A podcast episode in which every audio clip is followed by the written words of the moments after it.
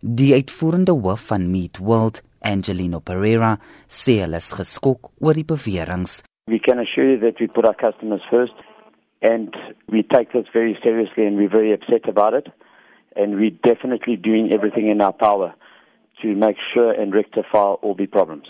Hy sê 'n grootskaalse ondersoek sal by 14 winkels uitgevoer word in Gauteng, Noordwes en Mpumalanga. Pereira sê die forensiese ondersoeker, Dr David Kletsou, is ook aangestel.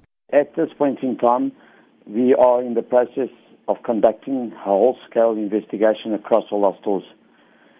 Um, we have also appointed a leading forensic investigator who has concluded the overall bacteriological results do not demonstrate a systemic problem.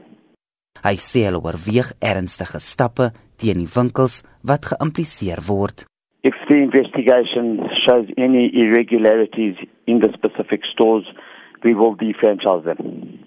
Pereira sê ontevrede kliënte kan Meat World kontak en aandring op vergoeding.